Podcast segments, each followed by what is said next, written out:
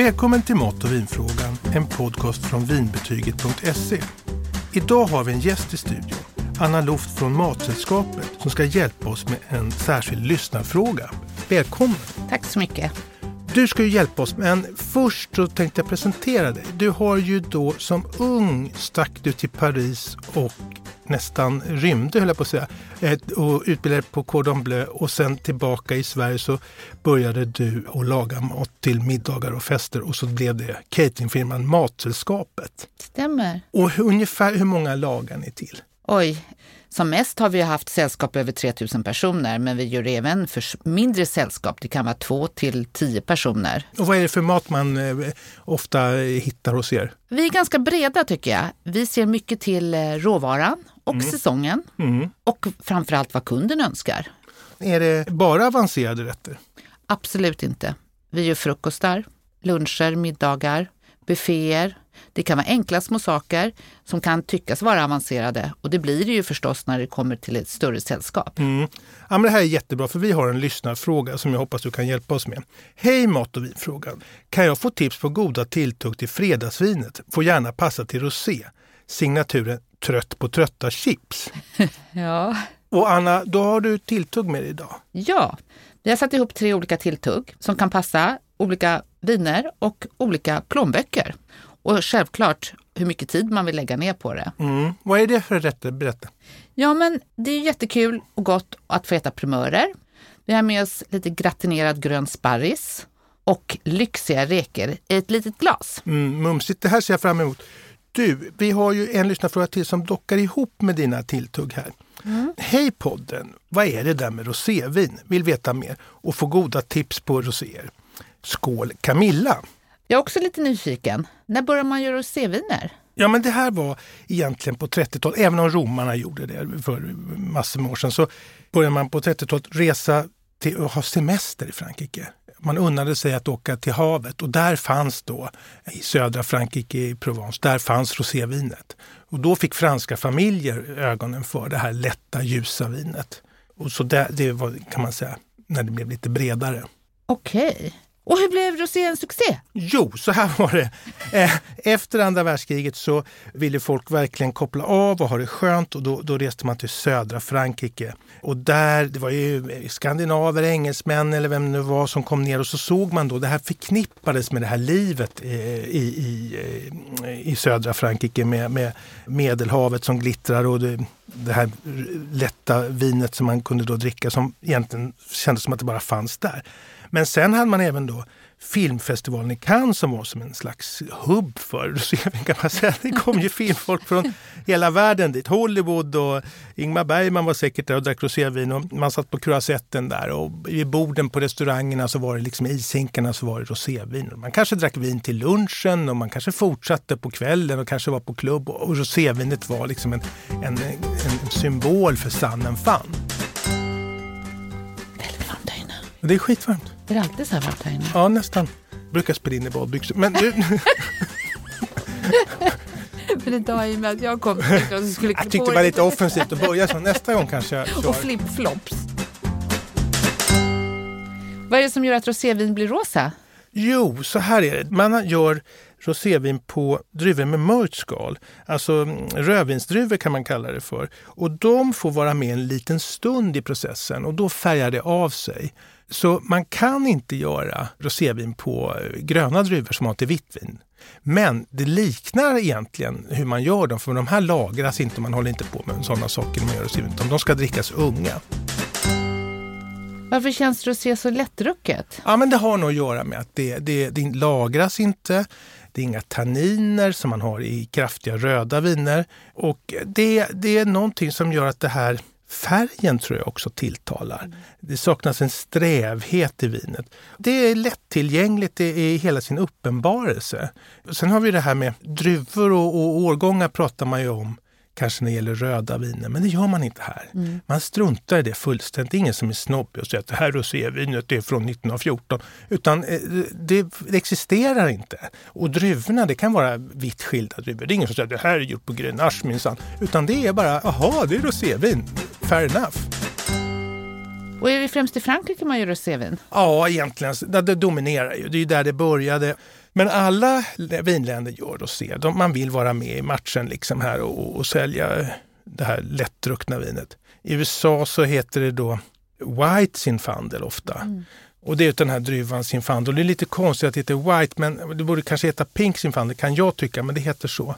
Och där har man också någonting som kallas för, man kallar rosévin för blush wines, alltså rodnad. Mm. Det är ett ganska fint mm. namn om jag får säga. Får jag bjuda dig på ett glas rodnad?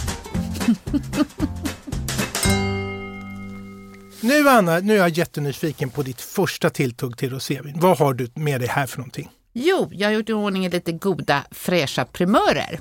Bland annat kan man se här i skålen mm. eh, lite blomkål, mm. några stavar av gurka, morötter, selleri och ett par rädisor. Mm. Vad vi har gjort är att vi har egentligen inte gjort mycket åt det, utan vi har bara tagit de här, den här blomkålen, vi har delat det för hand och vi har rensat rädisorna lite fint och lagt i kallt vatten. Resterande grönsaker har vi gjort till stavar. Mm. Till det har vi gjort i ordning en liten dipp och där kan man ju välja fritt vad man tycker om eller vad man har i kylskåpet. Vad är det där för dipp du har? Jo, men det är fetaost mm. och det är ju en av mina favoriter för då har du den här sältan som passar mm. till det mesta. Hittar man i affären en ekfatslagrad fetaost, då kan man ju lyxa till med den. Sen har vi egentligen bara blandat det här med matlagningsyoghurt och i det här fallet har vi till och med hackat ner lite rucola för mm, att det ska ja, vara grönt. Ja, just det. Det, för, det ska se lite godare ut. Ja. Det ser gott ut kan jag säga. Ja, vad kul. Mm. Och sen har vi egentligen bara hällt över lite fin olivolja. Salt behöver du egentligen Nej. inte i och med att fetan innehåller så pass mycket sälta. Ja men gud vad bra. Du, det här verkar ganska enkelt. Ja. ja. Och då tror jag att jag börjar med det enkla vinet. Mm. Är det något mer du vill säga om den? Eller är den ganska färdig där? Ja, det tycker jag. Ja. Vad tycker du själv när du får se den? Jo, jättegott ser det ut. jag, kanske, jag tar faktiskt en morot. Ja, gör det. Mm. Jag tror också jag mm. smakar morot. Mm. Nu får du ursäkta om jag pratar med mat i munnen, men Nöden har ingen lag. Och här har vi då storsäljaren på Systembolaget börjar vi med. Vi kommer gå i prisordning på de här rosévinerna. Vi kommer ha ett lyxrosévin som serveras på, på, bara märkvärdiga ställen sist. Det här heter då Pycheri, Det känner säkert många igen eftersom det är Sveriges mest sålda. Då. Den kostar 79 kronor och det är liksom inga pengar kan man tycka. Otroligt att man eh, kan få ett bra vin. Men det här är, och det är gjort på druvan Syrah som är en riktig fin druva. Men det är inte ett Provence-rosé utan det är gjort från grannen då, Languedoc-Roussillon. Men jag tycker att det här är ett, ett säkert kort både till drink och till din, din goda dipp med, med de här primörerna. Hej, kan jag ställa en snabb fråga? Ja, absolut. Jag undrar så här, vad tycker du om rosévin? Ja, jag tycker det är jättegott med rosévin, speciellt nu när det börjar bli lite varmare. Du, hur mycket är rosévin en väderfråga? Väldigt mycket tycker jag. Jag gillar ett svalt rosévin och sitta ute i solen.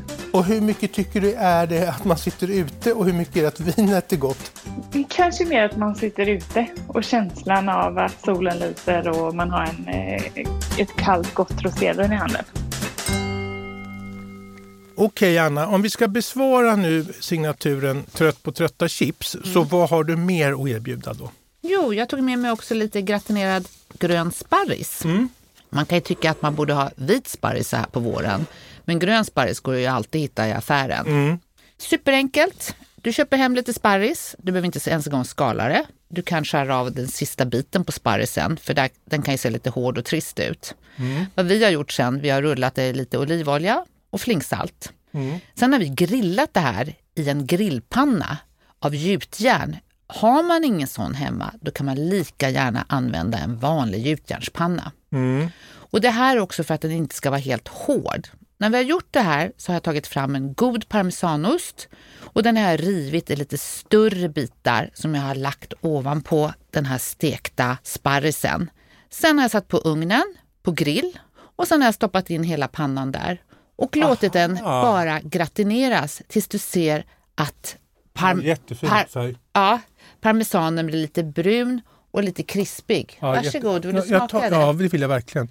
Eh, en fråga bara, man, om jag inte har en gjutjärnspanna, vi säger det. Ja. Eh, jag har bara en tråkig teflonpanna. Kan jag göra det här i ugnen direkt på lite hög värme?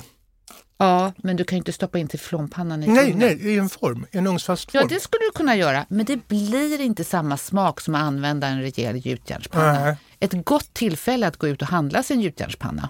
Ja, det ska man ha. Det tycker, jag håller med dig. Bra Anna, det där ser gott ut som tusan och är gott kan jag säga. Ursäkta nu smaskar jag igen. Nu ska det vara ett matchande vin. Och det här, då lämnar vi Frankrike och Rivieran och Languedoc och beger oss ner till Sydafrika. Och då har vi en klassiker som heter Mulderbosch. Och det här har lite mer färg. Och man brukar tala om, eh, tidigare så var det var rosé liksom pratvin och idag så är det mera matvin. Och det här är typiskt matvin. Och det går ju eh, att ta som drink också men jag tycker med fördel. Och det här är gjort på också en fin druva då, Cabernet Sauvignon. Och det kostar eh, 89 så det är ett kanonpris. Och det, man kanske ska nämna då, vi brukar göra det artikelnumret, det är 6077. Det gjorde jag kanske inte på den här pyscherin, men det kan jag göra nu då, om någon vill anteckna det så är det då. Pyscheri har då 2209. Men strunt samma. Eh, till det här, det är torrt naturligtvis.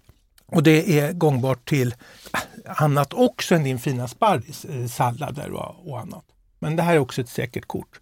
Då har man en ljus rosé som pyscheri och så har vi då den här lite mera eh, mörkare i, i tonen, men den är inte väldigt mörk. Det är inte som hallonsaft på något sätt. Båda de här är på vinbetygs topplista kan jag säga med höga betyg. Det är ju så vi hittar guldkornen. Hej, du ser ut att gilla rosévin. Hej! Ja, absolut. Men inte rosévin, inte det bara blask? Ja, eh, det beror på, men man får ju välja lite kvalitet. Då är det ju hur gott som helst. Jaha, men eh, hur mycket rosévin dricker du? Det låter som du dricker mycket. Nej, men när det är säsong så ja, det blir lite då och då, absolut. Och sen på sommaren, jag menar efter stranden, man kommer hem och ska kanske börja planera grillningen och sådär. Då är det alltid trevligt att korka upp en flaska rosévin. Är, är det viktigt det här med säsongen? Jo, men det tycker jag. För min del är det det. Jag är inte någon stor konsument av rosévin resten av året. Det är jag faktiskt inte. Så man ska bada först och sen får man rosévin. Annars får man kanske ingen rosévin. Nej, men precis. Så är det för min del. Anna, du har ju gått från eh, lite enklare tilltugg till lite mera påkostade och lyxiga. Vad har vi nu det som eh, att avsluta med det sista? Jo, den här är en liten cocktail kan man faktiskt säga. Ja. En cocktail till en cocktail. Mm. När vi gjorde den här och åt den så tyckte vi den var så fantastiskt god och jag hoppas att eh, ni som förhoppningsfullt kommer tillaga det här upplever det på samma sätt. Ja. Vi har tagit en gurka Mm. och sen så har vi då gjort fina små kuber. Sen har vi lagt det i en liten bunke tillsammans med olivolja, lite salt, svartpeppar och äppelcidervinäger. För ibland kan citronen ta över och vi vill ju ändå ha lite syra. Du kommer få smaka, du får avgöra sen vad du tycker. Sen har vi toppat det här med räkor och räkor finns ju av alla olika kvaliteter. Ibland kan det vara väldigt svårt att hitta de här bra kvalitet handskalade räkor. Och man kanske inte vill lägga pengar på att köpa färska räkor. Då föreslår jag att du köper frysta räkor med skal. Ishavsräkor kanske? Ja, då kostar det inte så mycket. Du lägger dem på tidningspapper ett par timmar så att de tinar och sen så får du ta dig tiden och skala dem. Men du, jag blir jättenyfiken. Det ser väldigt gott ut i det här glaset. Och, eh, men då undrar jag, räkorna är väl ändå huvudpersonen i den där? Det är för dig att avgöra när du smakar sen. Men ja, både ja och nej. Och sen har vi på toppen tagit en liten klick majonnäs. Bäst blir det om du kan tänka dig att slå din egen majonnäs. Vill du inte göra det så föreslår jag att du köper Hellmans majonnäs. För den har inte den här smaken av konserveringsmedel. Den är ganska neutral. Och sen har vi egentligen bara tagit lite, lite chiliflakes som du också kanske har hemma, blandat ihop, toppat det. En sak jag glömde som är en av de viktigaste ingredienserna, dill. Ja, Dillen har vi ju då självklart finhackat och blandat med gurkan. Mm. Och sen har jag lagt det här i en söt liten burk. Man kan ha ett litet glas hemma, lite större än ett snapsglas, men det beror ju på hur stora portioner du vill göra. Om du gör en lite större kan du till och med äta det här som en förrätt. just det. Och så tar man fram en liten gaffel och sen så blandar man det efter egen smak. Vad smart med det här glaset tycker jag som har kanter. Då kan man liksom inte spilla, då kan man stå upp och äta det här ganska Ja. enkelt. Ja, Det är kanske det som ja, var idén. ja. du behöver en gaffel, ett glas och en servett. ja, men superbra. Och självklart behöver du ett glas rosévin. Nu var det ganska många ingredienser här och jag vill bara påminna om att alla de här ingredienserna, namnen på de här räkorna i glas och de andra gratinerade sparrisen och allting, det kommer att finnas på vinbetyget så att man i lugn och ro kan gå igenom där om man ska till mataffären. Att man, man behöver inte memorera allt det goda vi pratar om utan det finns nedskrivet. Men det här, jag, jag tar en liten snabb innan jag går in på vinet. Är det okej? Okay? Ja. Mm. Bara räkor tog jag nästan. Ja, men det dyraste. och då blir det ett dyrt vin. Det här rosévinet i den här flaskan, så ser mm. den ut. Snygg. Det, ja, verkligen. Den heter By Ott. Och Ott det är en fransman som heter, heter Marcel Ott. Och han är egentligen fadern till rosévinet i Provence. Han flyttade dit och började göra fina roséviner. Så det här är nog bland det bättre som finns i rosévinsvärlden. Eh, åt varumärket kan man säga. Det här, är, det här kostar 179 men de gör viner för tusen, roséviner för 1000 kronor. Så det är väldigt eh, liksom upmarket. Och jag fick höra då att det här åker man liksom till Long Island och Hamptons på klubbar och restauranger. Då är, har man eh, By Ott finns på, på vinlistan. Ja, och finns i sinkarna där runt borden. Men det finns även hos Mamma Monopolet, vårt systembolag. och det här har då nummer 90306. Det var långt och krångligt mm. men det finns också nedskrivet. Det här är ett, ett fint vin då, och det, det kan man dricka som drink med fördel. Men det är ju jättegott liksom till dina räkor här. Jag tror alla de här tycker jag var kul. Jag skulle kanske nämna en sallad niçoise. Mm.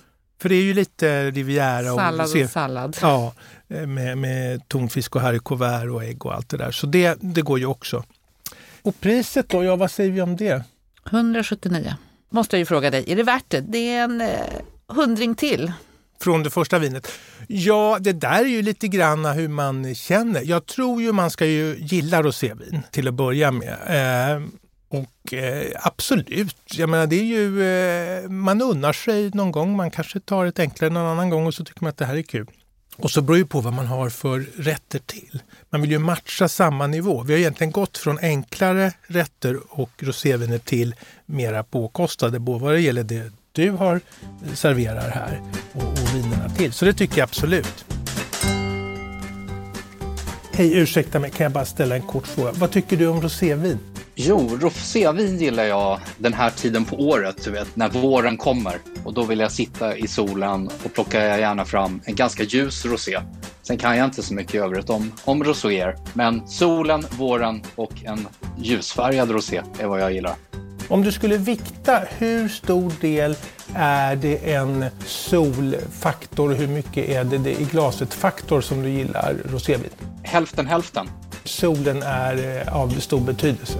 Ja, men det skulle jag nog säga. Men jag har en fråga. När jag tänker på roséviner och Provence så är det oftast en helt annan flaska än de du har visat upp. Mm. De har en speciell flaska. Gäller det bara Provencevinerna då? Ja, jag tror man anpassar sig lite efter internationella marknaden. Eh, vissa flaskformer funkar på vissa marknader och andra inte. Så det där är nog, eh, du menar den här som är lite kurvig? Eller? Ja, precis. Ja, ja och det tror jag, jag tror att den kanske känns lite, jag gissar nu, att de känns att den känns lite daterad. Och då vill man göra lite modernare former. Den här är ju inte så konstig, den kommer ju från Sydafrika. De har ingen rosétradition. Och eh, den här Pyscheriden är också ganska traditionell flaska. Mm. Men jag vet vad du menar. Eh, jag tror att det kanske är mer lokalt gångbart där. Mm. Och så har man testat på svenska marknaden och då funkar det inte riktigt. Eller inte svenska bara, utan olika marknader. Mm. Sen kan man ju säga också, jag tycker det är kul med rosé för att det, det är ändå ett, ett lågt pris. Och har man något mingel, en drink eller vad det nu är, då är det trevligt när det finns i Magnum. Och det gör ju mm. många av de här. Mm. Och det tycker folk är jättetrevligt. Varför vet jag inte, bara för flaskan är stor. Men bara wow! Det är en bra partyöppnare. Ja, tokigt stor flaska. Anna, stort tack för att du kom hit med dessa fantastiska rätter här. Jag är jättehungrig eh, nu och hoppas att jag får äta ja. upp de här. Eh, och jag hoppas att du har möjlighet att komma tillbaka. Det här var så kul och framförallt har jag lärt mig massor om roséviner. Det får mig att tänka på min första gång jag kom ner till Rivieran. Aha. Och mitt främsta minne är ju förstås den här flaskan. Den här som, den kurviga? Ja, och den kan jag fortfarande se framför mig och saknar emellanåt också. Ja, ja och du var busig tonåring eller? Ja, kanske. Mm, Okej. Vi tackar också alla lyssnare. Tack för att ni har lyssnat. Eh, välkommen tillbaka. Tack så mycket. Hej, kan jag ställa en snabb fråga till dig? Självklart. Vad tycker du om rosévin? Det första jag tänker på är ju såklart att det är något som hör sommaren till. Kanske till och med våren, men framför allt sommaren. Det är ju något man eh, dricker i solen, kanske på en uteservering, kanske till och med när man är nära vattnet. Eh, den känslan får jag när jag tänker på rosévin. Och hur gott är det då? Hur gott är det? Alltså det jag tror jag har smakat bland det värsta jag druckit kan ha varit rosévin och bland det godaste jag smakat kan också ha varit rosévin. När man frågar om rosévin så verkar ju solen vara en gemensam nämnare. Den verkar nästan vara viktigare än vin. Vi kan väl i alla fall utropa rosévin till solens vin. Nu hoppas jag att Trött på trötta chips har fått inspiration på tilltugg och att Camilla har fått goda rosétips. Vinerna de kommer från Vinbetygs rosétopplista. Och som vanligt, mejla gärna dina mat och vinfrågor till oss. Adressen är stefan vinbetyget.se